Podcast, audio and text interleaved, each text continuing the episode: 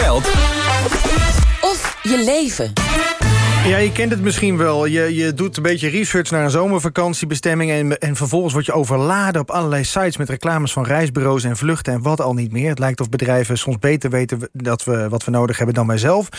Is ook zo vaak, komt door de hoeveelheid data die ze verzamelen. Chantal Schinkels werkte jaren in de e-commerce, zoals dat heet... en schreef een boek over hoe we verslaafd worden gemaakt aan online bestellen. Het boek heet Het Koopinfuus. Chantal, goedemiddag, van harte welkom. Dankjewel. Hang je zelf aan het infuus? Zeker weten. Oh, en, en dat, verwacht, dat antwoord verwacht je niet, denk ik, hè? Nou ja, misschien dat jij zegt... Joh, ik weet precies, precies hoe het werkt, dus ik zeilde lekker omheen. Ja, nee, was maar waar. ik hang er net zo goed aan. Wat is het koopinfuus? Het koopinfuus uh, is een, uh, een term die ik zelf heb bedacht tijdens het onderzoek.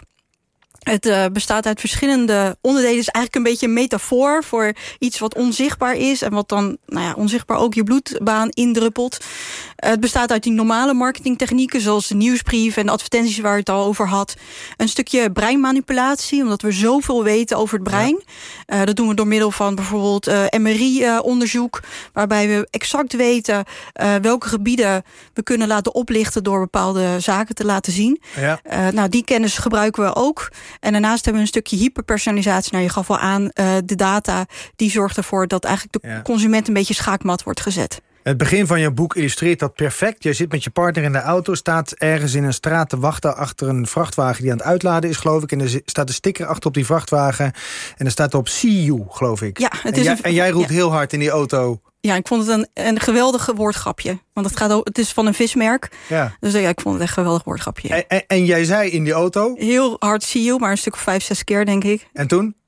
Uh, toen waren we de straat nog niet uit. En ik, was, ik ben natuurlijk ook uh, verslaafd aan mijn Instagram-tijdleiding. Uh, misschien herkenbaar. En ik was de straat nog niet uit. Ik zat trouwens niet achter het stuur, even voor de duidelijkheid. en ik bekeek mijn tijdlijn op Instagram. En daar zag ik een advertentie van datzelfde merk... met ook de uitdrukking see you...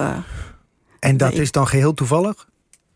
Dat, uh, uh, dat, is, dat denk ik niet. Nee. Dat, dat weten we niet zeker. We bedoel, volgens mij is het herkenbaar voor iedereen. Ik had dat laatst ook nog met een kleur die ik zag, turquoise. En ik kwam niet op de kleur. En ik vroeg aan iemand van, wat is die kleur ook weer, dat blauw-groene? Oh ja, turquoise, ja, turquoise. En vervolgens opende ik mijn telefoon en kreeg ik reclame van turquoise handdoeken of zo. Oh, dat is wel... Uh... Ja, maar dat, dit is een voorbeeld van... Ja, uh, we, hebben de, we weten dus niet zeker dat we worden afgeluisterd... maar we weten ook niet zeker dat we niet worden afgeluisterd. Wat we wel zeker weten is dat locatieinformatie uh, ja. werkt...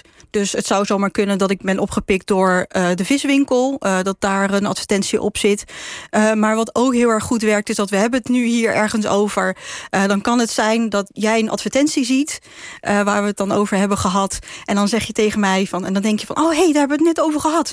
dat is wel een goeie, want dan kan ik dan even doorsturen. Ja. omdat we weten dat advies van een ander heeft veel meer waarde dan een advertentie. Wat is het probleem van die e-commerce? Wanneer wordt het een probleem? Want dat bedrijven adverteren om dingen te verkopen... dat is op zich logisch. Zo oud als de, uh, de economie is bijna, zou je kunnen zeggen. Maar wanneer is het een probleem? Het is, een, um, het, is eigenlijk een probleem op het moment dat je grenzen overgaat. Natuurlijk, we hebben altijd te maken met verleiding. Uh, dat, is, uh, dat is logisch, dat hebben we in de supermarkt. Nou, we hadden het net over boodschap doen, daar hebben we het net zo goed. Um, wat het verschil is, dat we online hebben een, gewoon een drempelloze ervaring. Je kunt uh, um, altijd bestellen. Als je ziek bent, ga je niet zo snel een winkel in. Maar als je ziek bent, kun je je wel uh, nou ja, uh, failliet shoppen. Ja, we hebben het in coronatijd gezien. Iedereen moest wel online shoppen. Nou, die, die, die tenten draaiden uh, top omzetten. Ja. Maar wanneer, wanneer gaat er een grens over? Want je zegt, het wordt een probleem als je een grens over Ja, nou dat is een hele mooie vraag. Die grens ligt bij mij anders dan dat, dat die bij jou ligt. Um, maar een, een, heel, een heel goed voorbeeld van een grens overgaan... tenminste, dat vind ik. Ik ben heel erg benieuwd hoe jij daar naar kijkt een paar maanden geleden kreeg ik een mailtje van een, uh, van een, een, een stedentrip specialist. En die vertelde dus in dat mailtje van we missen je. Nou, ik miste hen totaal niet. Want een paar jaar daarvoor had ik namelijk een, een reis geboekt ja. naar, uh, naar Mykonos. Dat was een geweldige aanbieding. Met zo'n typisch, uh, dat, zo typisch hotel, wit en mooi en luxe. En met een strak blauwe lucht op de. Nou, ik moest daar gewoon heen. Het was geen vraag meer waar ik mijn vakantie ging vieren. Ik, ging, uh, ik pakte mijn creditcardgegevens erbij, boekte de reis. Op in, nou ja, een data, voor, met een data waar ik dacht van ja, dan kan ik zeker weten. En de volgende dag kreeg ik een mailtje uh, dat de aanbieding toch niet meer beschikbaar was. En, Hmm. maar ze hadden nog wel alternatieven die echt totaal niet in de buurt kwamen bij dat mooie hotel. Dus eh, ik had altijd nog wel een optie om te annuleren. Ja. Maar ik kreeg mijn eh, betaalkosten kreeg ik bijvoorbeeld niet terug. Hmm. Dan voel je dat je erin geluisterd bent toch een Ja, beetje. want dan, het, dan was het een advertentie, dan was het een aanbieding, wat eigenlijk nooit heeft bestaan. Maar ik zat natuurlijk wel in de koopmodus.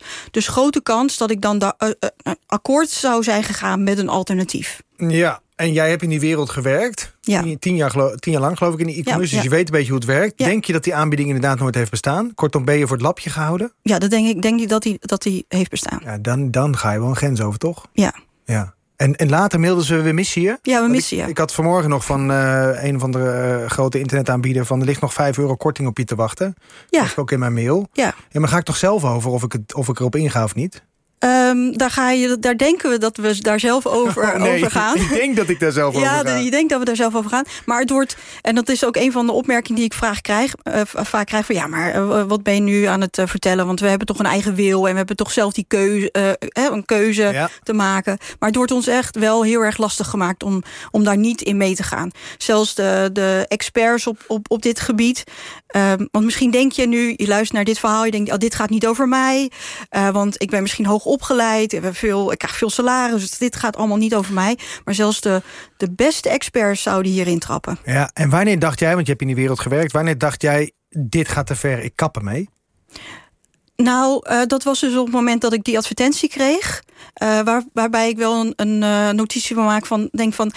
ik vraag me af of dit bewust is gedaan. Want er gebeurt ook heel veel onbewust in de, in de, in de branche. Dat je onbewust bepaalde grenzen overgaat. Eh, we kregen net ook een opmerking van... oké, bedrijven hebben het lastig, eh, winst maken is moeilijk. Nou, in e-commerce is winst maken helemaal moeilijk... Ja. omdat we eh, zo gewend zijn dat we daar de laagste prijzen krijgen. Eh, en dan, dan maak je de, de stap naar toch misleidende technieken... omdat die echt werken, maak je toch kleiner. Maar heb, je daar, heb jij daar ook aan meegedaan in jouw bestaan in die e-commerce wereld? Heb jij dingen gedaan waarvan je dacht, dat had ik beter niet kunnen doen? Nou, de hoeveelheid data die ik... ik, ik ben echt een datageek. Eh ik wil alles weten van, eh, van mensen. En dan denk ik, ja, daar ben ik wel... eh, als ik daar nu terug, over terugdenk, dan denk ik... ja, dat, dat, dat, daar zit op een gegeven moment ook een grens aan. Ja. En daar, daar ben ik wel overheen gegaan, ja. Ja. Maar dat, Ja. het wordt normaal gevonden. Je zit met een groep, met een team... en je, je hoort hè, nieuwe, nieuwe dingen en je denkt... oh, dat wil ik ook doen. Ja. Maar je denkt niet nou over de impact die je, die je hebt... bijvoorbeeld op economisch vlak... Denk aan financieel. Ja. Eh, dus dat mensen raken in financiële problemen. Je hebt sociaal vlak. Dus je hoort dat eh, jongeren eh, zelfs gaan kopen tijdens hun les. Ja. En je hebt natuurlijk het, eco- het ecologische vlak. De retourenberg is echt Ja. enorm. Ja. Jouw, jouw boek geeft een aardig inkijkje in die wereld. Volgens mij wordt het niet, niet in dank afgenomen vanuit die wereld dat je het hebt geschreven. En het is ook een oproep aan politiek om er wat aan te doen. Chantal Schinkels, als het klopt jouw verhaal... krijg ik nu advertenties voor jouw boek in mijn telefoon zometeen. Dank je wel.